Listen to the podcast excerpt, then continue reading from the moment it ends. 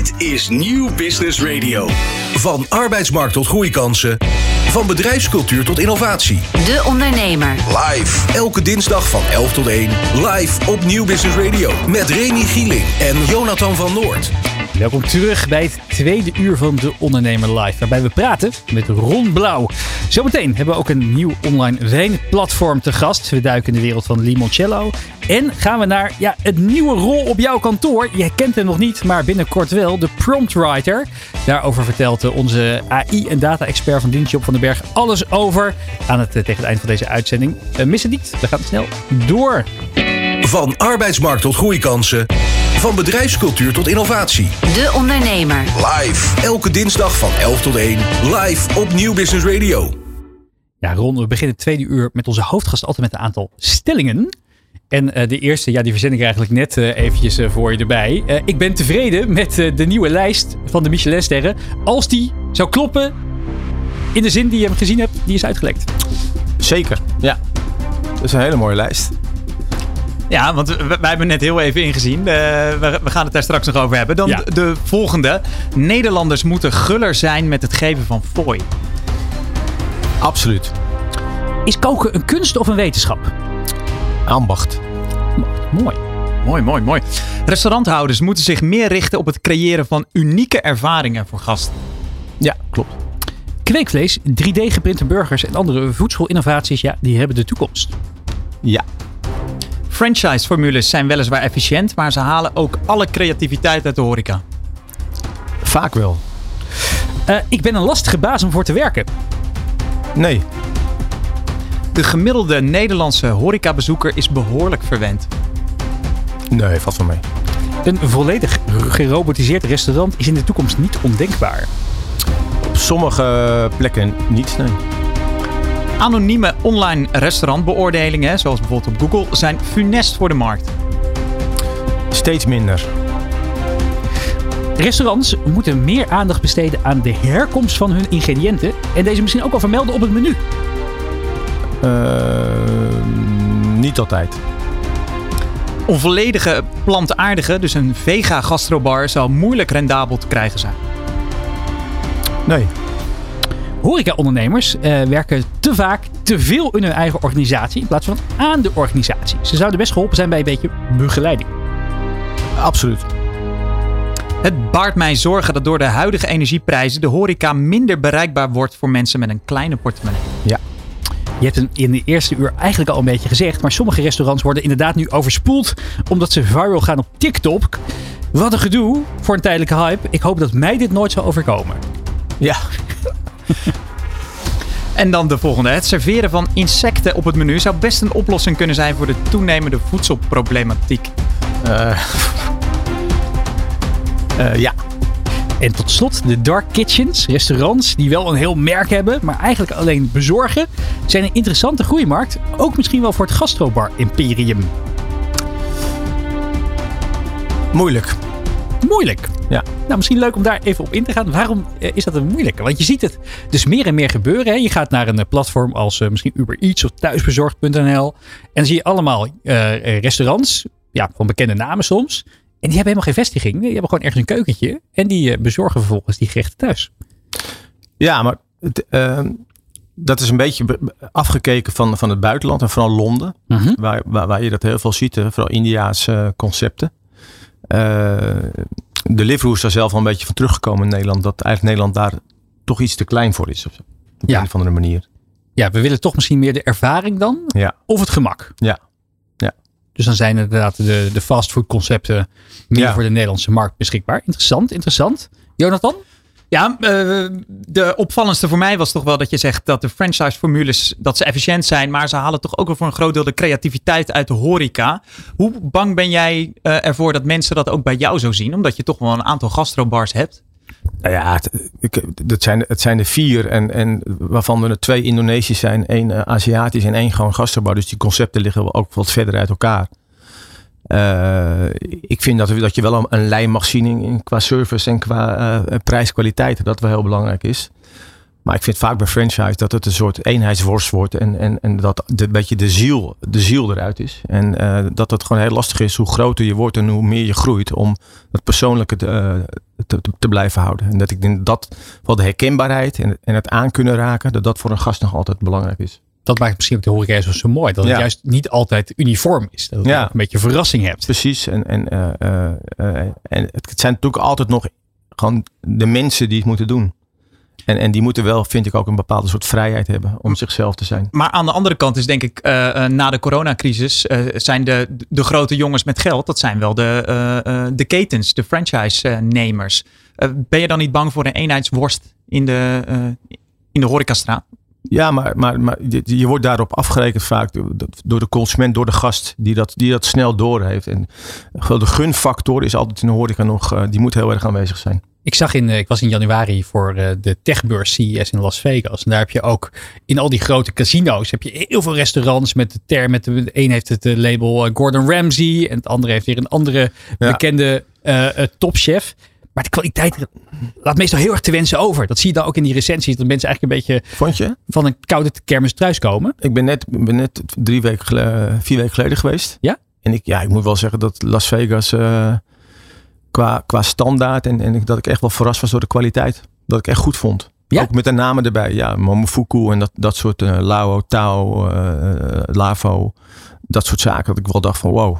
Dus het viel je eigenlijk niet eens zo zeer Nee, tegen. nee, nee. En we gingen juist kijken om, om je, nergens ter wereld vind je op één plek Zoveel. zoveel chefs en zoveel concepten. Dus het was super interessant om te zien ook. Hoe denk je dat ze dat doen? Want ze kunnen inderdaad, hè, die, die mensen die zitten overal nergens ter wereld. Hoe houden ze die kwaliteit dan denk je hoog? Heb je daar Ja. de formule voor gevonden? Ja, goe- gewoon goede mensen neerzetten en, en, en, en hele vaste afspraken van tot het korreltje zout op, op het gerecht. Van zo moet het gerecht eh, eh, gemaakt, geserveerd en gepresenteerd worden. Maar toch gaf jij aan het begin van het gesprek aan dat jij eh, een zaak over de grens voorlopig niet aandurft. Waar, waar ben je dan bang voor? Omdat ik dan eh, voor- vooral de, de, de, van buitenaf de, de invloeden. Van, van wat je veel hoort, het afpersen of het... eh, Dus niet eens om de kwaliteit, nee, helemaal maar nee, echt totaal. de- Maar gewoon dat, ik, daar heb ik helemaal geen zin in gewoon. Nee, nee ik kan me, wel- kan me wel voorstellen. Maar dat, ja, ik, wij zitten dus niet in de markt. Maar dat gebeurt dus echt in, in, in de horeca. Op bepaalde plekken. Dat, dat het bekend is dat als je daar succes behaalt. Dat er wel eens een, eh, een mannetje of vier voor de deur staan. Met, eh, Ja, dit hebben we, natuurlijk ook de afgelopen tijd wel in, in Amsterdam meegemaakt. In zaken toch? Dat eh, die dicht moesten eh, eh, en eigenlijk gewoon een soort gechanteerd werden. Of, of ja, dan krijg je iets voor je deur waar je eigenlijk niks aan kan doen. En dan, eh, dan moet je sluiten. iets waar je. Eigenlijk word je, word je, dubbel, word je dubbel gestraft. Ja. Is dat iets waar je zelf zorgen over maakt?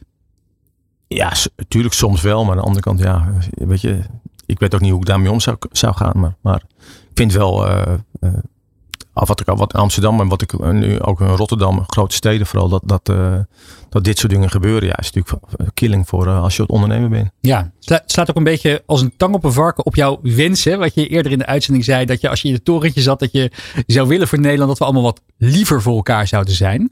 Ja, dit, dit gaat er lijnrecht tegenin.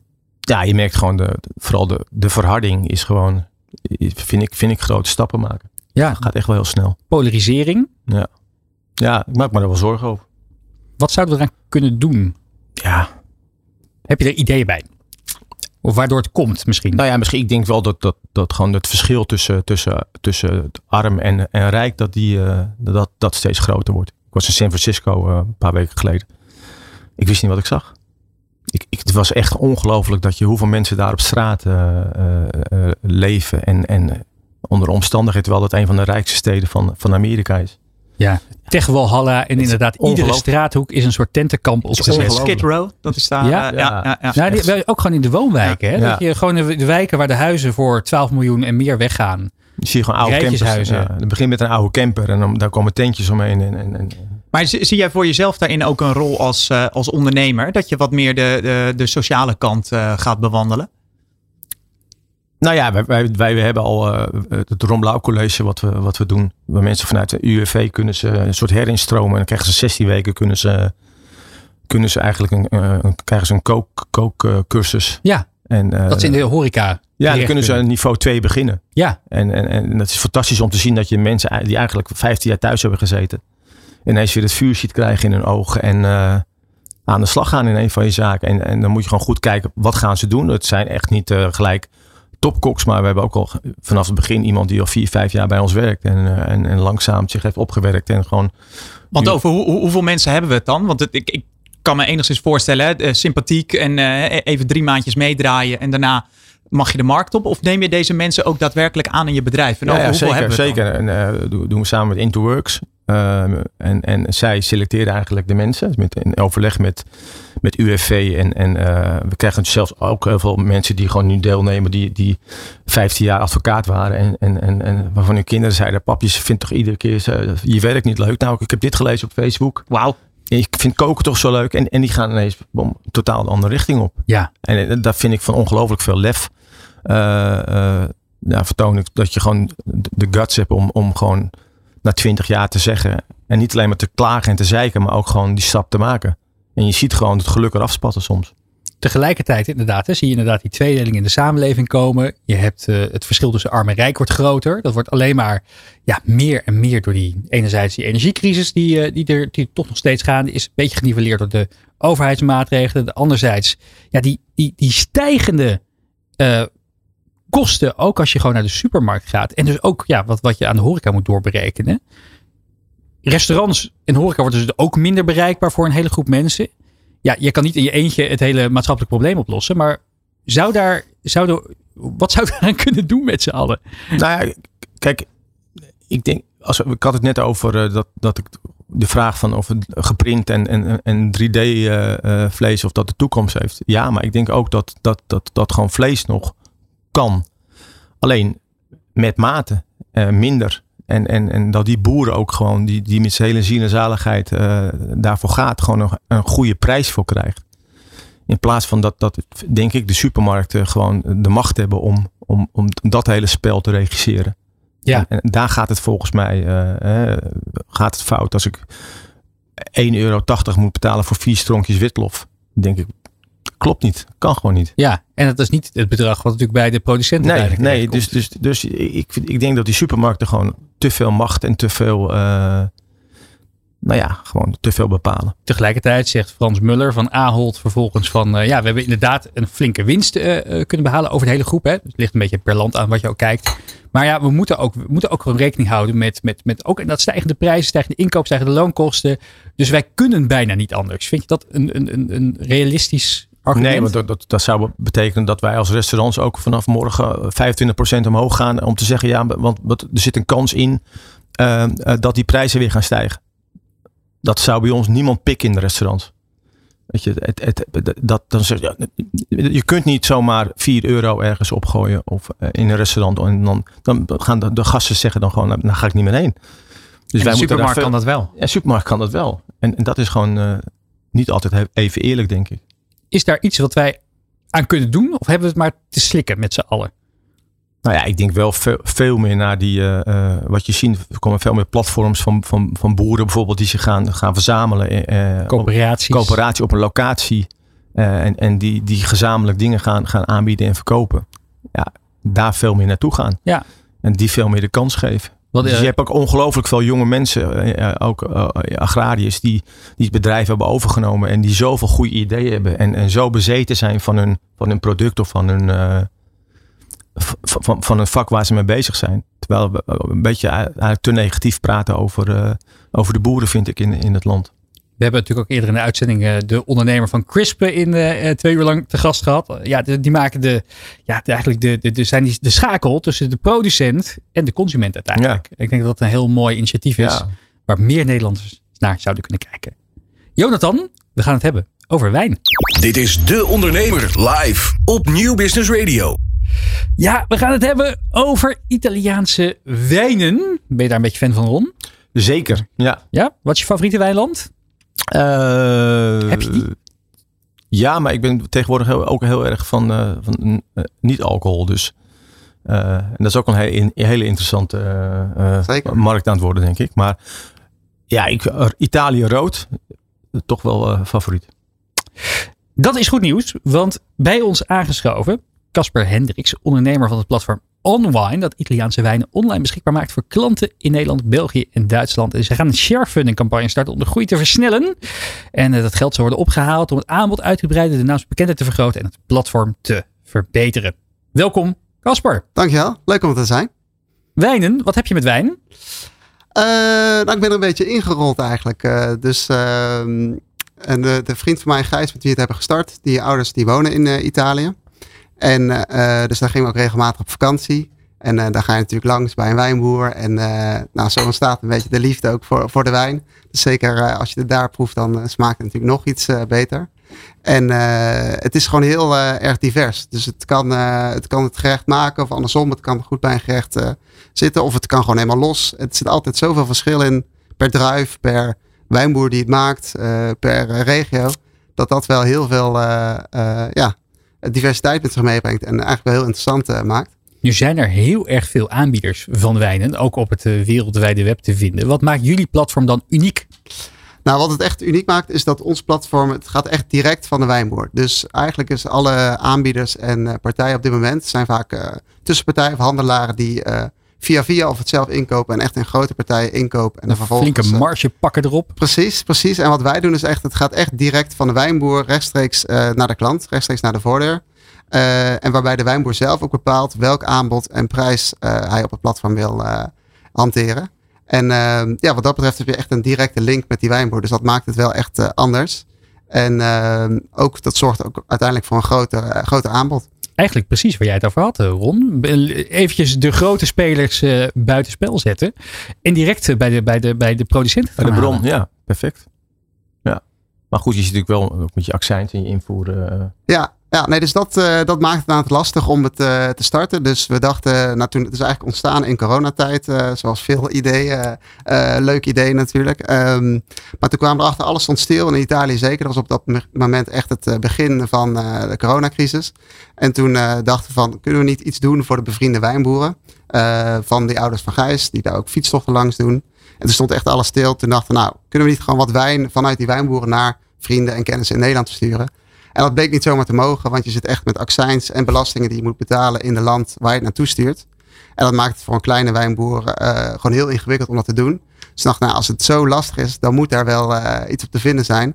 Het heeft wel even geduurd. Dus hebben een half jaar moeten schakelen met eh, de Belastingdienst in Nederland om het hier op te zetten. En het was echt nieuw en het was zeg maar, ja, hoe we het dan? En nou, uiteindelijk is dat gelukt. En inmiddels ook in België en Duitsland. Ehm, en, eh, maar het is nadat dat ingewikkeld is, dat dat klopt. Want, want jullie ontzorgen eh, voor, die eh, Italiaanse wijnboer dat het allemaal qua papierwerk, dat het allemaal helemaal perfect is. Klopt, klopt. Dus wij regelen na de accijns en de belastingen, die betalen wij netjes in de landen waar het om gaat. Ehm, en we zorgen ook dat het transport richting die wijnboer komt en het ophaalt. En vervolgens ja, naar het land eh, toestuurt, eh, naar de klant. En eh, als een sympathiek idee begonnen om, om de Italiaanse wijnboer te helpen in coronatijd. Merk Ja. je dan, eh, nu, nu dat toch weer even achter ons ligt, is er een verandering in de vraag? Of is, neemt dat toe, neemt dat af? Nou, je zag inderdaad in eerste instantie was vooral voor, voor het steunen van de wijnboeren. En, en nu merk je dat heel veel mensen het gewoon juist leuk vinden. En vanwege het lokale het aspect. Maar ook omdat het aanbod zo groot is. Dus we hebben inmiddels alle richtingen en druiven bijna van Italië. En eh, we willen dit jaar ook groeien naar andere landen. Dus je merkt, eh, en het aanbod is ook vrij divers in eh, biologisch, biodynamisch. Dus nu gaan mensen echt vooral voor de wijnen zelf. Of omdat ze fan zijn van een wijnboer. Dat kan natuurlijk ook. Ja, want je ziet echt inderdaad als je op de site kijkt, ook de, de wijnboeren die staan. Ik zie hier een hele leuke, jonge, vrolijke wijnboer uit, uit Piemonte met, met zijn Nebbiolo druiven staan te, staan, te, staan te zwaaien. En dan kan je inderdaad direct kiezen van, nou, het is een mooi verhaal. Ik, eh, hier, zie ik, heel- hier heb ik al vertrouwen in. Ik bestel een eh, proefpakketje. Ja. Hoeveel van die dozen of flessen wijn gaan er nu al over de landsgrenzen heen? Dus we zijn eh, op dit moment zitten we op een paar honderden klanten. Dus ik denk dat we rond, rond de 10.000 eh, flessen afgelopen jaren hebben gedaan. Ja. En dus waar we echt bewust voor hebben gekozen om eerst echt de structuren goed neer te zetten. Dus dat alles goed loopt. Dat we zien van oké, het werkt. eh, het, het transport gaat goed. Het, eh, het afdragen van accijnzen, dat gaat allemaal goed. En nu eh, willen we dit jaar eh, stappen maken om dan echt eh, wat meer die grotere schaal eh, naartoe te gaan. Ron, wat denk jij erover? Ja, su- supergoed idee. Ik, ik heb altijd zoiets, ook als ik in Spanje ben, heb je in eh, de buurt van Begur heb je eh, eh, eh, een, een hele grote wijnwinkel. Als je daar een soort snoepwinkel, als je daar rondloopt, maar dan zie je de prijzen. Dan voor 2,20 euro voor een eh, mooie fles eh, wit. Dat je denkt, ja, Die gewoon Ja. in Nederland eh, voor 30 euro op de, ka- Ja, op de kaart staat. Maar, maar dan kijk ik even hier nu naar, naar de twee wijnexperts. Ik denk dat we dat allemaal een keer hebben meegemaakt op de camping in Frankrijk. Of inderdaad in, eh, in Spanje op een, op een weekje weg. Je koopt die fles wijn, want die heb je op het terras daarop. Die smaakte heerlijk. En thuis kom je en dan is die toch niet zo lekker als, eh, eh, als op vakantie. Is dat een fabeltje of klopt Nee, dat? dat is het, het Oezo, eh, Oezo verhaal. Dus in Griekenland vind je het heerlijk als je het drinkt. Ja. Als je dat thuis zit, denk je het is gewoon niet te suipen. Als je ruikt, Wat dan, ben ik aan het weg, ben ik aan het weghakken? Ja. Ja. Ja. Hey, Dat, is, dat is wel weet je, een stukje emotie, eh, eh, temperatuur, eh, eh, romantiek, het verhaal, eh, de streek, omgeving. Dan is hij altijd is hij, is hij lekkerder natuurlijk. En hoe, hoe, hoe, zor- hoe zorgen jullie bij Unwind ervoor dat je dat, ja, die, die persoonlijke gevoel, touch, eh, dat, dat, dat gevoel er toch in krijgt? Ja, dus wat we proberen is het echt zo persoonlijk mogelijk te maken. Dus we laten vooral de, de wijnboer eigenlijk eh, aan het woord. Ehm, dus we hebben bijvoorbeeld ook bij vrij veel eh, wijnboeren ook filmpjes erbij. Wat de wijnboer zelf vaak goed doet, is die doen iets persoonlijks van hun erbij. Dus of een handgeschreven briefje of een opener. En echt erin van, nou, we waarderen dat je, dat je klant bent of dat je ons al kent en vaker terugkomt. Dus op die manier probeert het zo persoonlijk mogelijk te maken. Uh, maar we merken wel dat inderdaad voor sommige mensen die willen het graag toch proeven of uh, iets uh, meer uitleg persoonlijk. Dus dat we nu vaker ook op evenementen staan en onze eigen evenementen organiseren. Om toch even nog wat extra persoonlijkheid erin te brengen. Ja, voor de vervente tv-kijker zullen jullie allicht kennen van jullie deelname aan Dragon's Den. Ja. Uh, daarbij was er wel interesse, maar uiteindelijk geen deal wat er werd uh, gemaakt door de Dragons. Wat heeft het wel opgeleverd qua naamsbekendheid of klant? Want ik weet van deelnemers dat ze daar altijd veel profijt van hebben gehad als het gaat over de naamsbekendheid. Nou, ik moet eerlijk bekennen, dus dat uh, dit jaar was het eerst, of vorig jaar was het voor het eerst dat het via, via Play ging. En dus ik denk op dat moment waren denk ik ook nog niet zo heel veel abonnees. Dus ten opzichte van vroeger dat het op Nederland 3 was, scheelt dat wel heel veel kijkers. Uiteindelijk heeft het ook zeker wat naamsbekendheid opgeleverd. En ook de reden waarom we nu sharefunding zijn gestart. Daar zijn we in gesprekken van wat, wat willen we eigenlijk nu op dit moment. Uh, dus dat heeft zeker gebracht. En ook zeker wel wat additionele klanten. Maar echt het, het uh, Dragon's Den effect. Uh, die hebben helaas was dat dit jaar, vorig jaar toch iets minder dan voorgaande jaren. Ja, en de sharefunding die nu loopt. ja, ik zie het ook inderdaad op het platform. Investeer in het wijnplatform van Europa. Wordt mede-eigenaar van Onwine. Naar wie ben je op zoek? En wat kunnen jullie ze bieden? Uh, nou, wie, wie, zijn we op zoek? Uh, in dit geval, dus daarom hebben we ook echt voor sharefunding gekozen. Dat we het leuk vinden dat uh, zoveel mogelijk mensen eigenlijk meedoen. dus die worden dan tegelijkertijd natuurlijk ook extra ambassadeur, soort van online. Dus die zullen dan ook aan de vriendenkring verder doorvertellen. Dus dat vinden we leuk. Dus eigenlijk iedereen kan instappen. ook serieuzer investeerders, dat kan natuurlijk ook altijd. dat is altijd welkom. En wat bieden wij ze? ehm, is dat we op dit moment, we staan echt aan het begin nog van online. Dus er staat nu in de structuur. En we willen echt uitgroeien tot het, grootste wijnplatform van Europa. Dus daar zitten in de toekomst grote rendementen tegen als, het, als onze planten, plannen zo, zo uitpakken. Weet je wat ik vaak mis bij nou, of, wijn, wijnhandelaar? Dat je, je, kan, je, je kunt nooit andere dingen bijna proeven. Dus de, de, ik geloof als je gewoon kleine flesjes of zo maakt, dat je die, weet je, als met parfums wat je, die je krijgt bij een, als je een, een luchtje koopt. Maar als je bijvoorbeeld flessen wijn bestelt, dat je dan gewoon een proefdingetje krijgt met wat, dat je ja, gewoon extra. twee slokjes, maar toch denk ik net dat het zo ongelooflijk werkt dat, dat mensen dan. Als je bij het doosje rood ook alvast een, ja. een, een, klein flesje wit uh, krijgt. Ja, ja, en het hoeft, het hoeft niet zo, gewoon een verpakking waar je denkt, hé, hey, even. Ik denk dat er absoluut een markt voor is. Ja, nee, dat je, zeker. Dat, dat je mensen uh, daar heel erg in triggert van, oké, okay, hey, dit is ook wel. Uh, ja, we zijn inderdaad een beetje aan het kijken naar of we inderdaad iets meer met van die proefstaatjes kunnen. Want inderdaad, vaak als het dan om een hele fles gaat, om even te proeven, Ja. is het natuurlijk net uh, zonde. En uh, dus ik, dat is zeker een goed punt. Ik denk dat we daar uh, in de toekomst nog wat meer naartoe kunnen gaan. Uh, en goed punt ook voor de wijnboeren zelf. En dan uh, als je het over sharefunding hebt. Ik denk een van de beste voorbeelden over, uh, als, het gaat om, om sharefunding is Neleman. Die andere, ja, dat, dat, is echt een wijnboer. In Klopt. hoeverre kijken jullie naar Neleman op? Of hebben jullie ook wel eens contact met ze gehad? Nou, wat er naar Nederland echt goed heeft gedaan, die zijn echt, die hebben echt meerdere rondes gedaan. Die zijn denk ik echt qua marketing, nou echt fantastisch bezig geweest om het zo vaak elke keer weer te lukken om zo'n ronde te doen. Dus wat dat betreft is het echt wel een voorbeeld van hoe, hoe zij het hebben gedaan qua, qua marketing. We hebben zelf niet persoonlijk contact met ze gehad. Uh, maar we kijken er zeker naar, ja. Ja, je ziet dan toch wel dat er vraag is uh, in Nederland. Misschien niet het eerste wijnland, maar dat, uh, het is een hartstikke populair merk. Nou, Casper, we wensen je ontzettend veel succes met je ambitie om het allergrootste wijnplatform van Europa te worden. En inderdaad, die middleman uit te knippen. En iedereen die ja, geïnteresseerd is om mee te doen, neem even een kijkje op de site on-wine.com. Yes. De Ondernemer. De Ondernemer live. Op Nieuw Business Radio. We praten verder met ondernemer Ron Blauw. Ja, we gaan inderdaad van uh, de Italiaanse wijnen weer terug naar het uh, nou, grauwe Hilversumse Mediapark. Je zei eventjes bij de introductie van het vorige blok, uh, Ron, dat je eigenlijk ook heel erg geïnteresseerd bent in de markt voor zero alcohol opties. Ja. Wat zie je daarin gebeuren? Ja, ik ben groot fan van, van Niks en Niks. hun aanbod en eigenlijk ook gewoon dat we thuis zelf zeiden van het, we moeten gewoon wat minderen en uh, ook qua gezondheid. En, dat is een, een winkel voor non-alcoholische drank. Ja. ja. Uh, noem het een midlife crisis, maar je wil wel gewoon gezonder en, en, eh, en uh, wat afvallen en dat soort dingen. En het is gewoon, gewoon gewoonte dat je op de bank zit s'avonds, vooral in horeca. En je komt thuis of je zit in een glaasje en op het einde kijk je, er was weer een flesje. Uh, en om toch die gewoonte en, en dat fijne gevoel weet je houden, kwamen we in, in, in aanraking of contact met niks en niks in de webshop. En ja, daar zaten, het, het, was niet meer dat, dat idee van zo'n hele zoete appelsapachtige drank wat je dan drinkt, maar echt gewoon, gewoon mooie wijnen. En, en, en die markt is, is, ik hoor van zoveel mensen je zegt het zelf ook net, die, die daarmee bezig zijn.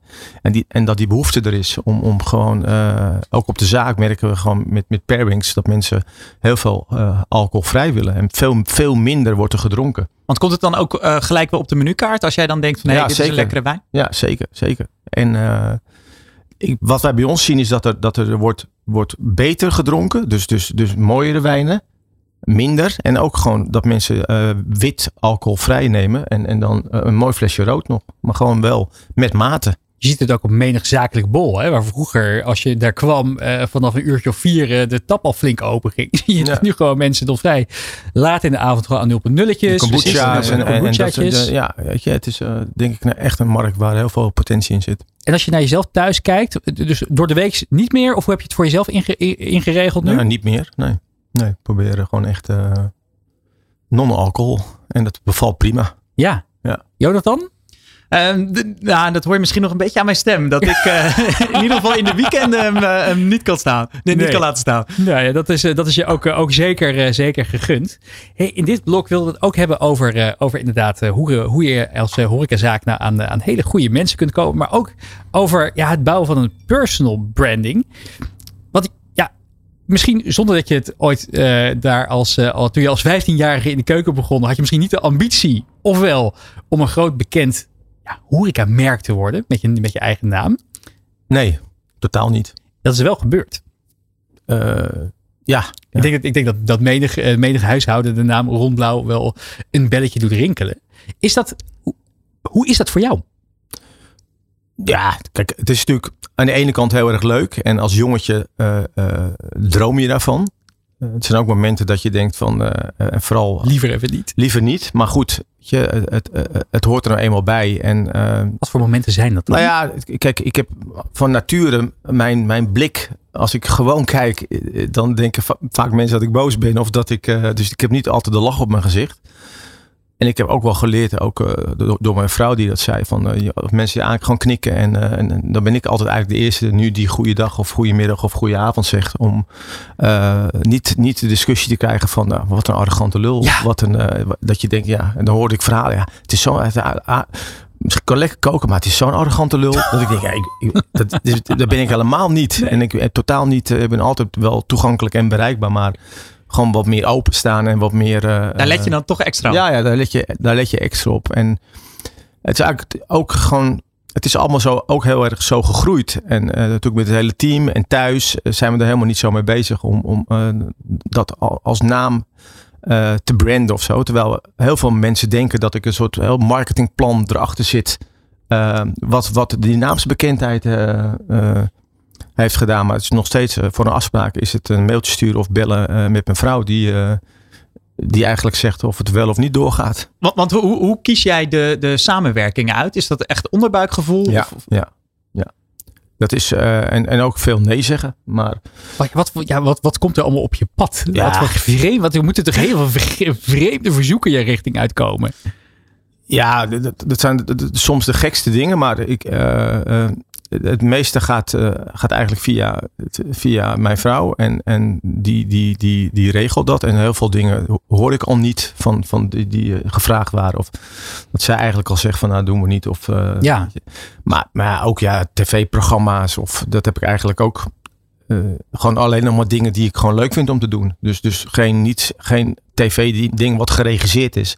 En zoals bij Restaurant Misverstand kunnen we gewoon, kan ik gewoon mezelf zijn. Dat vind ik belangrijk. Dat ik gewoon geen rol hoef te spelen of een tekst krijg van die ik moet. eh daar word ik heel ongemakkelijk van. Ja, dat was je televisieformat samen met Johnny de Mol. Ja, ja, Hoe was dat? ja fantastisch.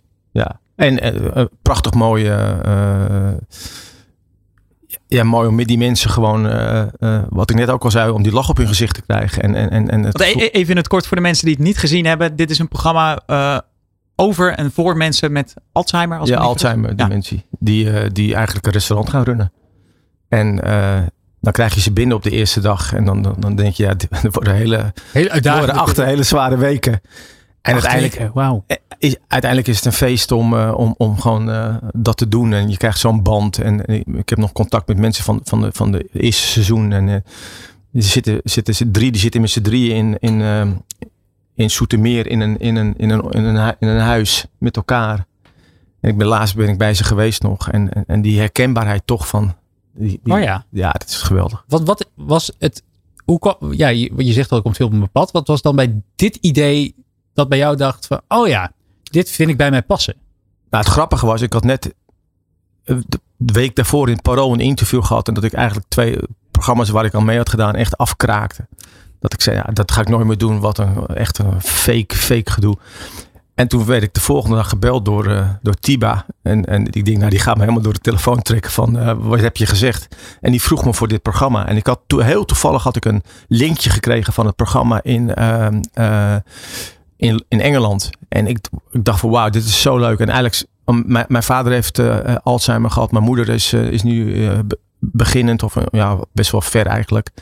Dus het, heeft, ja, het is iets wat, wat, wat bij mijn leven hoort. En ehm, eh, ik dacht, ja, hier wil ik gewoon aan meedoen om, om mijn steentje bij te dragen. En, eh, en het is ontzettend leuk. Ook met het hele team eromheen, wat het maakt. Het is zo'n betrokkenheid van iedereen. En Heel integer. heel integer wordt het gemaakt. En vooral eh, omdat het bij. Het was natuurlijk totaal geen programma voor SBS 6. Dus het was ook heel dapper dat, dat die dat gingen uitzenden. Het is natuurlijk heel raar als je met zo'n programma direct naar de Meilandjes komt. En, Ja, ja, maar, maar het is zo'n mooi programma om te maken. En, eh, en ook met Johnny. Het is, ja, het lijkt me ook wel... lijkt me ergens ook wel zwaar. Want ik kan me voorstellen dat in de leuke momenten het heel leuk ja is. Maar het, dat is, het heel- ook... het is heel verdrietig eh, vaak. Maar, maar je probeert het toch met een lach en een traan te maken. Je moet wel gewoon ook de humor eh, erbij houden, denk ik. Anders wordt het wel heel zwaar. Ja. En is dat niet lastig omdat het ook juist dichtbij komt? Het is heel lastig. En vooral mijn grootste angst was van hoe, wordt het geregisseerd? Want ze kunnen je eigenlijk in, één aflevering kunnen ze je gewoon als de grootste klootzak neerzetten. Maar eh het was Olivier Reijnen die, die dat aan elkaar... eh, en dat, dat was zo fantastisch dat die grap die ik maakte gewoon kon. Weet je, dat, dat is gewoon heel knap om dat in zo'n programma neer te zetten. Dus dat je de humor er ook ineens als een rode draad doorheen ziet. Met, het, met, met, met gewoon ja, de, de triestheid. Wat hebben, wat, wat hebben die mensen zelf aangehad? Want je wil natuurlijk inderdaad niet ze gebruiken voor... Hè, dat, dat Nee. heel flauw voor, Ja. voor een tv-format. Je wil ze iets meegeven misschien. Nou, je zag gewoon met testen in het begin van, van, van, van, van, van toen, we toen we startten en na afloop, dat ze gewoon 15, 20 procent scherper, beter waren. Hè? En, en dat is misschien wel tijdelijk, maar je zag wel dat het, dat het vuurtje weer een beetje eh, aangewakkerd was. En dat is natuurlijk best wel, hè? Je, hebt, je, je hebt dan twee, of je gaat wegzitten kwijnen in een, eh, in een kamertje, of, of je, er waren heel veel die, die nog steeds die worden begeleid en die meegenomen worden elke dag naar een, naar een, naar, naar een centrum waar ze kunnen handarbeiden of gewoon dingetjes doen. Ja, dat is gewoon super belangrijk. Dat ze het gevoel hebben dat ze er nog bij horen. Heel erg mooi. We kan eh, iedereen aanraden om het, eh, om, het, om het terug te kijken. Komt er een nieuw seizoen aan? Voor mij wil SBS 6 het niet meer hebben, omdat de, de doelgroep te oud was. Dus eh, ik heb toen gelijk gezegd, nou dan moet- eh, Max. Jan Slachter, die hangt al aan de lijn. Eh, Nou, Nee, maar het, is zo het zou zo ongelooflijk zo zonde zijn als het, als het programma zou, eh, zou verdwijnen. Of het nou met of, of zonder mij is. Maar het is gewoon een heel mooi programma om te maken. En ook voor die mensen. En het is, de, de, de mensen die kijken, die, die, die, die, die, die krijgen veel meer begrip voor, voor, voor wat Alzheimer of wat dementie, wat het inhoudt. En, Ja. en, en eh, weet je, ook filmpjes van tevoren die we zagen, dat mensen echt een, op straat mensen gingen, gingen die niet meer wisten waar ze moesten, naartoe moesten. En de mensen aan wie ze het vroegen, die dachten dat het van, nou, die is gek, weet je wel. Ja. Terwijl, van dat bedoel ik, bedoel ik ook met het begrip voor elkaar en het meer, wat meer menselijke naar elkaar toe. Ja, daar is dit gewoon belangrijk voor, denk ik. Mooi, mooie maatschappelijke inclusieve missie ook. Dus laten we kijken of we op de deur, deur van eh, Jan Slachter kunnen bonken met z'n allen. Of die het programma kan adopteren. Ik vind het heel erg mooi. We gaan alleen wel door naar het volgende onderwerp. En dat gaat over limoncello. Dit is De Ondernemer live op Nieuw Business Radio. Ja, we hebben natuurlijk een ontzettend vervelende periode met de coronatijd achter de rug. Maar tegelijkertijd zijn er zoveel mooie ondernemersinitiatieven uit voortgekomen. Zo ook ons volgende bedrijf hier eh, aan tafel. Fat Tiger, ondernemer Rogier Duits, bouwde in de lockdown namelijk samen met zijn vriend Joost van der Heuvel limoncello. En noemde het drankje Fat Tiger. Het is inmiddels zo populair dat het in vrijwel elk restaurant in Oude Water op de kaart staat. En op steeds meer plekken in Nederland te verkrijgen is. Bij ons aangeschoven, Rogier Duits. Goedemiddag. Goedemiddag, goedemiddag. Leuk dat je er bent. Dankjewel. Je had eh, waarschijnlijk eh, voor de coronaperiode niet kunnen denken dat je eh, limoncello ondernemer zou worden. Nee, absoluut niet. Absoluut niet. Eh, ik zit zelf in de koffie, eigenlijk al 15 jaar. Maar eh, limoncello niet. Eh, los van dat we wel vrij Burgondi zijn eh, en van een hapje en een drankje houden. nee, was dat niet het plan eh, ooit. Nee.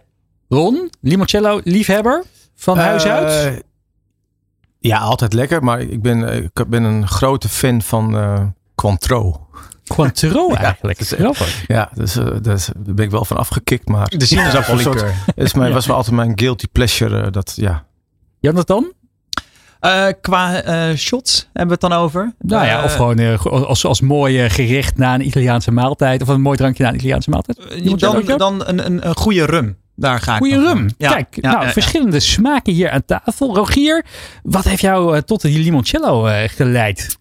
Verveling. Verve- je was echt verveeld? Ja, verveling eigenlijk. eh, eh, ja, het, het sociale werd wat minder hè, in coronatijd.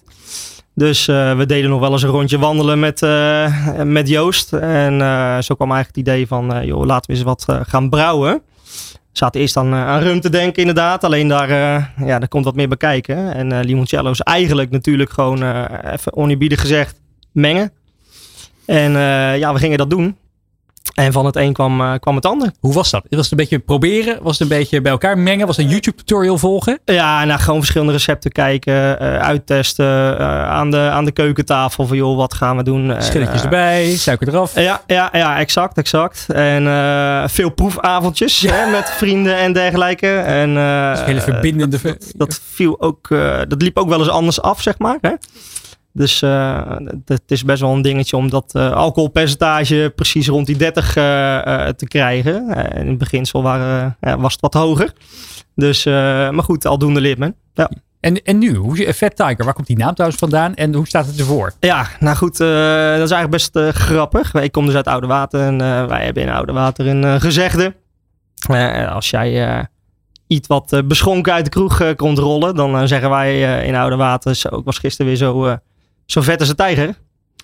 We dachten dat het eigenlijk iets landelijks was, totdat ik dat eh, dropte bij collega's. Ze zeiden ze, joh, wat bedoel je? Ik zeg, nou, eh, hetzelfde als eh, zo stoned als Renaal, maar dan Ja. dronken. Eh, Ken nee, dat kende niemand, alleen wij. Nee, Nee, nee dat, precies. Dus eh, nou ja, zo, nou, toch vonden we dat eigenlijk wel een grappige naam. Hebben we dat naar het Engels vertaald. Dus eh zodoende vet tijger. En er zit natuurlijk ook wel wat, wat suiker in. Ja, En eh, ja, je kan er eigenlijk eh, wel een flinke kaart voor krijgen. Hè? Je moet een beetje eh, eh, genieten, maar eh, drink met mate is denk ik een mooi gezegd. Je hebt het ook bij je.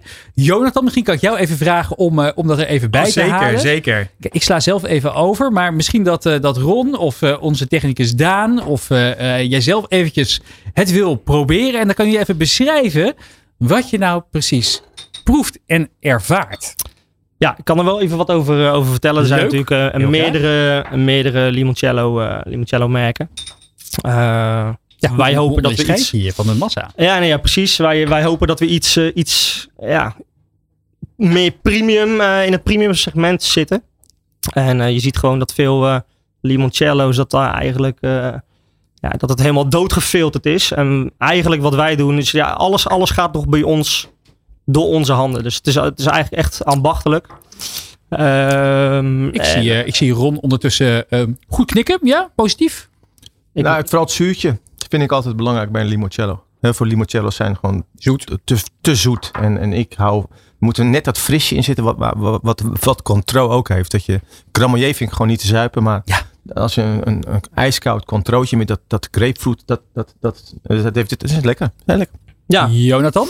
Ja, ben ik 100% mee eens. Ik, vind het, eh, ik, maak soms een vergelijking met Dreft. Dan vind ik hem zo Ja, precies. met je zeepig eh, eh, luchtverfrisser randje eraan zitten. En nee, eh, ja, fris zoet. Ja. Lekker. Kijk, ik kijk ook eventjes naar technicus Daan. Ja, ook, eh, Maar ook die- eh, die- volle... Je atten hem in één keer. eh. die schenkt, die schenkt ondertussen een derde glas eh, voor zichzelf bij. Nou ja, goed, eigenlijk gaf Ron al, eh, al het antwoord. Eh, hè, want de limoncello is normaliter is het ja, gewoon eh mierzoet. En eh, ik vind ook, eh, ja, het wordt van citroen gemaakt. Dus je moet ook ergens dat, dat, dat zuurtje terug vinden in, in je limoncello. En dat hebben wij eh na heel lang eh receptuur aanpassen, aanpassen. eh, ja, hebben, hopen we dat gevonden te hebben. Ja. Ik ben toch wel benieuwd, want ja, in, in Nederland zi- zijn er tal van aanbieders van, van, van limoncello. In, in hoeverre is die markt verzadigd? En, en hoe gaan jullie ervoor zorgen dat jullie die, die nummer 1 limoncello worden van Nederland? Eh, ja, goede vraag. Eh, door, doorzetten, dat is één, denk ik. Eh, verzadigd weet ik niet. Ik, de laatste tijd is het eigenlijk upcoming. En zijn er eigenlijk steeds meer ook, ook, ook bedrijven die al veel groter zijn dan wij zijn. die gewoon echt goed, ja, goed in de prijs vallen op, op limoncello gebied. Ron, En, eh, ja. sorry, eh, jullie krijgen natuurlijk ook veel ja, aanbiedingen van nieuwe spelers, van innovatieve merken die graag willen dat jullie hun merken op de kaart gaan voeren in de verschillende restaurants. Op, hoe bepalen jullie wanneer je wel of niet met een partij in zee gaat? En wat zou je misschien voor advies ook hebben voor Nou, Rogier? ieder wij bepalen dat het, dat het product gewoon moet kloppen. En dat, het, dat we erachter staan en dat het gewoon een, gewoon een heel mooi product is. Wat, je, wat, wat me opvalt vaak als je in het buitenland, Spanje of, of ook in Oostenrijk. Dat je heel vaak nou, na afloop bij de rekening nog zo'n zo'n zo'n dingetje, zo'n shotje krijgt. En dat hebben we in Nederland helemaal niet. Dus ik, ik zou adviseren om gewoon heel veel flessen eh, eh, bij restaurants af te leveren. Om, om daarmee gaat ermee aan de slag en, en, en dat, dat meer te promoten. Want het is, geeft vaak een heel. eh, nou, dat je weggaat en dan heb je die rekening. Dan komt net nog iemand even langs zo van nou, nog een klein. Dat maakt uit eten gaan in Italië altijd zo leuk. klein en, dat doen we in Nederland bijna niet. Terwijl daar echt wel denk ik een markt voor is. En die hoef je helemaal niet te katbezopen of, of vet als een tijger weg te gaan. Maar, maar daar ligt echt wel een markt om, om, om, om, om, Maar- om die markt in, om daarin te stappen. Maar Ron, zeg je dan eh, eh, in, in zijn geval focus je niet op eh, eh, de, de gal en gal? eh, want de- dan zijn die partijen misschien zo groot. Maar hou het juist eh, eh, klein en, en, en ga bij de betere restaurants eh, leren. Misschien is dit Michelin wel die, die belt eh, Die- Ron. Michelin, die willen een lijst terug. Oh, matje geroepen. Ja. Nee, eh, ik denk het wel. Ik denk dat er heel veel ehm, altijd begint in de restaurants. En daarna moet het doordruppelen. Dus of het nou een barbecue merk is of eh, je, je- gasten zien dat en die willen dat thuis. En dus je moet daar bij de bron beginnen. En ik denk dat die restaurants, daar moeten beginnen. En dat gast het iedere keer dan weer een keer terugzien en ander. En dan zie ik het weer. Dus, dus weet je, van vaak van die momenten dat je, dat je iets terug ziet komen. Of het nou een wijn is of een, of, en dan willen gasten dat thuis ook gaan. En tegenwoordig kunnen ze het over. Ze, hebben allemaal een, ze zijn allemaal ondernemen, want ze hebben allemaal een pas van de Sligro of van de Hanos. Dus ze kunnen overal eh, alles krijgen altijd. Wat is, ehm, wat is de grote ambitie voor Fat Tiger? Je zegt, je zit ook in de koffie. Ja. Beetje wet op twee paarden. Als je eentje moest kiezen. Lastig. eh, maar misschien luistert mijn baas mee. Hè? Dus eh, politiek correct eh, antwoorden. Nee, weet je, ik, ik heb het hartstikke naar mijn zin in hetgeen wat ik doe. eh, eh, ja, de, de koffie, koffie is ook een mooie eh, branche om in te zetten. En, en, en een supermooi product waar iedereen wat over vindt. En eh, eh, eh, waar je een stuk beleving mee eh, kan creëren. Dus in die zin ja, het ligt het wel in één lijn met, met limoncello. Ja, en eh, we gaan gewoon rustig die olievlek proberen ja, te verspreiden over Nederland. We lokaal begonnen. Nu zo'n 35, 40 eh, ja, horecazaken die ermee werken. En eh, ja, weet je, niks moet, alles kan. En dat is ook wel weer, wel weer leuk, vind ik. Ja, ja, plezier is het belangrijkste eigenlijk. Nou, we wensen je ongelooflijk veel succes met het uitrollen van Fat Tiger. Totdat het ieder restaurant in Nederland het op de kaart heeft staan. En inderdaad, hun gasten bedankt als ze weggaan met de rekening met een klein beetje vet Tiger. Dankjewel. Yes, dankjewel, jullie bedankt. De Ondernemer De Ondernemer live. op Nieuw Business Radio. Iedere dinsdag vertelt de data- en ex- AI-expert van dienst Job van den Berg ons over de belangrijkste trends en inzichten voor ondernemers. En vandaag duikt hij in het beroep van de toekomst, die van prompt writer. Heb je daar al van gehoord, eh, Jonathan? Nou, ik heb net het draaiboek bekeken. maar daarvoor nog niet. Nou, je kan daar heel erg veel geld mee verdienen, dus eh, let goed op. Nieuwe technologie schept nieuwe banen. Toen het internet opkwam, ontstond een beroep als app- of webdeveloper. Toen de stoomtrein werd geïntroduceerd, kwam het beroep van de kolenschepper. En nu, met de opkomst van kunstmatige intelligentie, zie je ook nieuwe banen ontstaan. Zoals een prompt engineer. Deze persoon geeft opdrachten aan, aan AI-modellen, weet AI-modellen op een juiste manier in te zetten. En hij of zij komt met het juiste zinnetje, een prompt, om ChatGPT de juiste output te laten geven. Dat is echt een vak apart. Een voorbeeld om dit te illustreren. Stel je wil weten hoeveel procent van de Nederlanders Koningsdag viert. Je vult letterlijk deze vraag in ChatGPT. En je zult zien dat ChatGPT geen antwoord zou geven. Want, zo claimt het algoritme, ChatGPT heeft geen actuele gegevens en blijft graag weg van het doen van schattingen op basis van eigen verzamelde data. Als je de vraag net iets anders stelt, namelijk wat zegt onderzoek van bijvoorbeeld Deloitte, PwC, EY over de populariteit van Koningsdag in Nederland, dan krijg je wel een antwoord. Het antwoord is namelijk 70%. Hoe komt dat? ChatGPT is een taalmodel en geen zoekmachine. Maar in veel onderzoeken die op internet, te vinden zijn, staan vaak resultaten uit studies waarin statistieken zijn verzameld. Dus als je refereert aan uitkomsten uit onderzoek, vaak terug te lezen in rapporten, heb je een grote kans dat ChatGPT jou wel verder kan helpen. Dit is een trucje dat je moet kennen en dat karakteriseert een prompt engineer. Die weet precies hoe je AI moet gebruiken om de juiste output te krijgen. Hij of zij voorkomt garbage in, garbage out. En heeft vaak ook enige kennis over de werking van de modellen. Hij of zij weet dat ChatGPT een taalmodel is en niet een statistiekmachine. En kan daarom de juiste opdrachten geven om het juiste antwoord te vinden. Met een goede prompt engineer in huis kan AI echt voor je gaan werken. En denk je dat je goed bent in het bedenken van prompts? Ja, overweeg dan een carrière switch. Je kunt ongeveer een half miljoen dollar verdienen als je een goede prompt engineer bent. Even terug naar de kolenschepper en app developer. Verdienen die ook exorbitant veel geld toen ze respectievelijk de stoommachine en het internet in opkomst was? Jazeker. Maar we weten ook dat deze beroepen na verloop van tijd devalueren. De salarissen dalen naarmate meer mensen de vaardigheden gaan beheersen. Op een gegeven moment was geen unieke vaardigheid meer en wordt het inwisselbaar. Dan dalen de salarissen. Mijn verwachting is dat dit ook met de prompt engineer gaat gebeuren en dat die baan misschien over 10 jaar niet meer bestaat. Want dan beheerst iedereen deze vaardigheid. Vergelijk het met de begindagen van het internet, waar het echt nog een kunst was om zoekmachines te gebruiken. Nu is dit een basisvaardigheid die iedereen beheerst. Waarom is dit relevante informatie voor jou als ondernemer? Nou, het goed en effectief gebruiken van AI-tools zoals ChatGPT levert nu een concurrentievoordeel op. Dus investeer in deze kennis. De ontwikkelingen gaan snel. Iedereen gebruikt wel eens ChatGPT. Maar het aantal dat AI-tools effectief, effectief gebruikt is schaars. Vaak is het meer een leuk uitprobeersel, een gimmick. Als je het wel lukt om de juiste prompts en toepassing te vinden voor jouw bedrijf, dan loop je voor op je concurrenten en kom je sneller tot innovaties. Wacht niet tot die prompt engineer in jouw bedrijf er is, maar zorg ervoor dat je het zelf beheerst. Dat betekent basiskennis vergaren over wat er onder de motorkap van ChatGPT gebeurt, veel ervaring opdoen met de inzet van AI en creatief nadenken over oplossingen. De kansen liggen voor het oprapen. Succes! Ja, dat is zeker waar.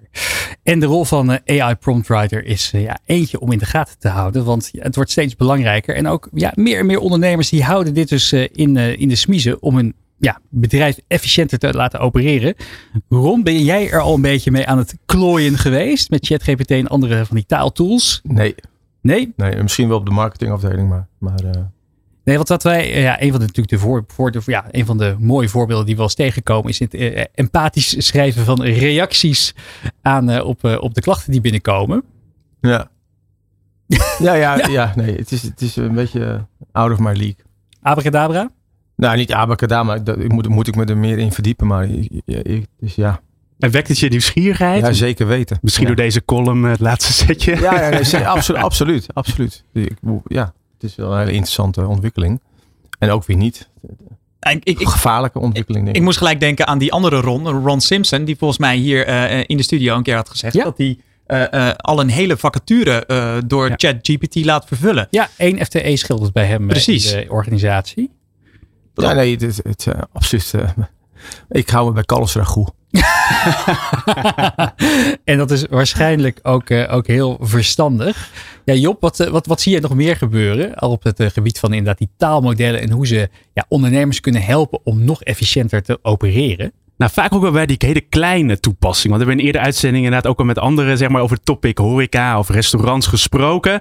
Toen kwam onder, onder andere de, de robot die al een aantal uitzendingen terug zou komen, Flippy. Die gespecialiseerd is in het flippen van, eh, van, van hamburgers. Maar ook inderdaad die, eh, die toepassing van, eh, van klantenservice. Maar heel vaak kun je al met een ChatGPT eigenlijk verrassend veel bewerkstelligen. Inderdaad, wat Remy al zei met die klantenservice.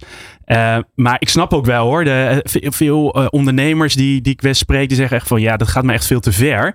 Maar het is best wel leuk om gewoon een keer op een regenachtige zondagmiddag, op Ja, een ander moment, eens te proberen en Ik kijken. denk dat het vooral. denk dat het, dat het, dat, dat het te, te, te hoog gegrepen of te ver is. Als je erin verdiept, dat je denkt: jee, dat hadden we gewoon een half jaar eerder moeten doen. Ja, en dat is zo'n wauw moment. En dat is altijd wel leuk om, om, eh, om, om te zien en dat dan te ontdekken. Het hoeft niet gelijk zo'n lange termijn investering te zijn. Dat is ook een beetje de associatie die je vaak ziet. Dat als je denkt aan AI, dat je denkt, oh dan moet ik allemaal dataspecialisten aannemen of hele dure machines, data verzamelen. Maar je kan met die tools zoals ChatGPT en nog een aantal andere, nou inmiddels zijn er trouwens al duizenden, kun je echt heel snel wat dingen doen. Ook trouwens in je privé sfeer, zeg maar. Waar vind ik eh, eh, nou, iemand die, als je een reis gaat maken, hoe kan ik een leuke eh, reisschema bedenken naar mijn reis die ik in Amerika ga doen? Dus daar, eh, daar, daar moet je ook aan denken, aan je dagelijkse leven. Maar inderdaad, wat je de, zegt, de leukste privé-toepassing die- waar ik de afgelopen dagen veel mee ben bezig geweest, is eh, het schrijven van slaapverhalen. Eh, zo is het, kan je bijvoorbeeld invoeren hè, in ChatGPT. Schrijf een slaapverhaaltje voor kinderen over. Nou, dan neem je iemand in je omgeving als hoofdpersoon. Bijvoorbeeld Ron Blauw. Sche- Schet je de situatie die door San Francisco loopt op zoek naar het allerbeste restaurant. Maar, en dan iets, hè, iets, iets spannends wat er gebeurt. Van, eh, maar die komt, een, eh, die komt een hele boze Gordon Ramsay tegen. De Mexicaanse maffia. Ja, precies. En hij Ze moeten maakt nog wel in slaap kunnen vallen. Ja, ja, precies. Wordt ontvoerd eh, door, eh, door de Mexicanen. En je zal zien, hij maakt er zo'n waanzinnig gaaf slaapverhaal van. Eh, dit is echt een, eh, een tip voor iedereen met kinderen thuis. Die, eh, die, die, die, eh, kan je echt unieke, iedere avond er een uniek verhaal mee genereren. Ja, een andere tip, een beetje hetzelfde analogie is als je zien wilt, ja, eh, stel nou dat wij de restaurant van de toekomst willen bouwen. Hoe zou dat, er, hoe dat eruit zien? Eh, dus dat je een soort van een toekomstscenario probeert te schetsen en ChatGPT vraagt maar antwoorden. Ook dan komen best wel leuke eh, antwoorden uit. En ook wel die waar je denkt van, oh, er zit eigenlijk best wel, best wel wat in. Dus dat... nou ja, geef eens een voorbeeld. Wat, wat, wat heeft het restaurant van de toekomst volgens ChatGPT? Ik heb dat zelf niet ingevuld. Wel voor een, toevallig morgen een, eh, een, een presentatie voor een groot bouwbedrijf. Waar we hadden gevraagd van, joh, stel dat je een start-up zou bouwen. eh, eh, eh, omtrent eh, de, de sector bouwen. Eh, kwam bijvoorbeeld een van die ideeën eruit kwam die bij mij is blijven hangen. Is dat ze zeiden van eh, ehm, eh, bouw een app waarin reizigers die op het spoor, want er wordt ook veel bouwwerken op het spoor gedaan, real-time kunnen zien waar de werkzaamheden zijn. Dat ze niet via de NS zien, maar dat ze het zelf ook weten wat er speelt. Zodat je daarmee ook begrip meer krijgt bij reizigers waarom op dat moment bijvoorbeeld een bepaald traject eh, eh, ehm, eh, de, de tijdelijke niet is. Nou, dat dacht ik dacht wel van dat, dat vaak is dat een niet het beste idee waar je nou je hele bedrijf om gaat keren, maar wel een leuk gesprek eh, op gang brengt. Ik heb het even gevraagd inderdaad. Wat heeft het, eh, wat heeft het eh, restaurant van de toekomst? Nou, zeggen ze, het heeft eh, geautomatiseerde bestellingen. Misschien wel virtuele menukaarten. Waarbij je met augmented reality kan zien wat er straks op je, op je tafel gezet wordt. Robots noemt hij. De rol van duurzaamheid. Hè. Misschien kan het eh, wel helpen om, eh, om eh, voedselverspilling tegen te gaan. Personalisatie. En misschien wel meer sociale interactie. Dus dat zegt ChatGPT over het, ja, over het restaurant van de toekomst. En ik denk dat op, dat, ja, op, dat, op, op die side note het een moment is geworden om langzaam maar zeker naar het einde te gaan van deze uitzending. Ron, heb je nog famous last words voor de luisteraars? Kom lekker eten bij ons. Ja. En uh, ga lekker veel uit eten. Lekker naar restaurants toe. Uh, Gezellig. Ja. En laat misschien die te telefoon thuis. Gezellig ja. aan elkaar aan tafel. Ja, maar ja. Vroeger was dat toch ook de, was het het tekenblok wat die kinderen hadden. Nu zitten ze op een iPad te tekenen. Dus ik, ik vind het ook. Oh, je maakt niet zo druk op. Nee. Mooi. Hey, uh, dit was hem voor deze week. De Ondernemer live terugkijken en luisteren kan op YouTube en je favoriete podcastplatform. Vergeet niet te kijken naar de uitzending van de Michel Esther op 24 april op deondernemer.nl en Nieuw Business Radio. Volgende week zit ik hier weer met Roland Tameling, Jonathan van Noord. Enorm bedankt voor je komst vandaag. Heel snel, heel graag. Tot snel. En jij bedankt. En uh, tot volgende week. Van arbeidsmarkt tot groeikansen. Van bedrijfscultuur tot innovatie. De Ondernemer. Live. Elke dinsdag van 11 tot 1. Live op Nieuw Business Radio.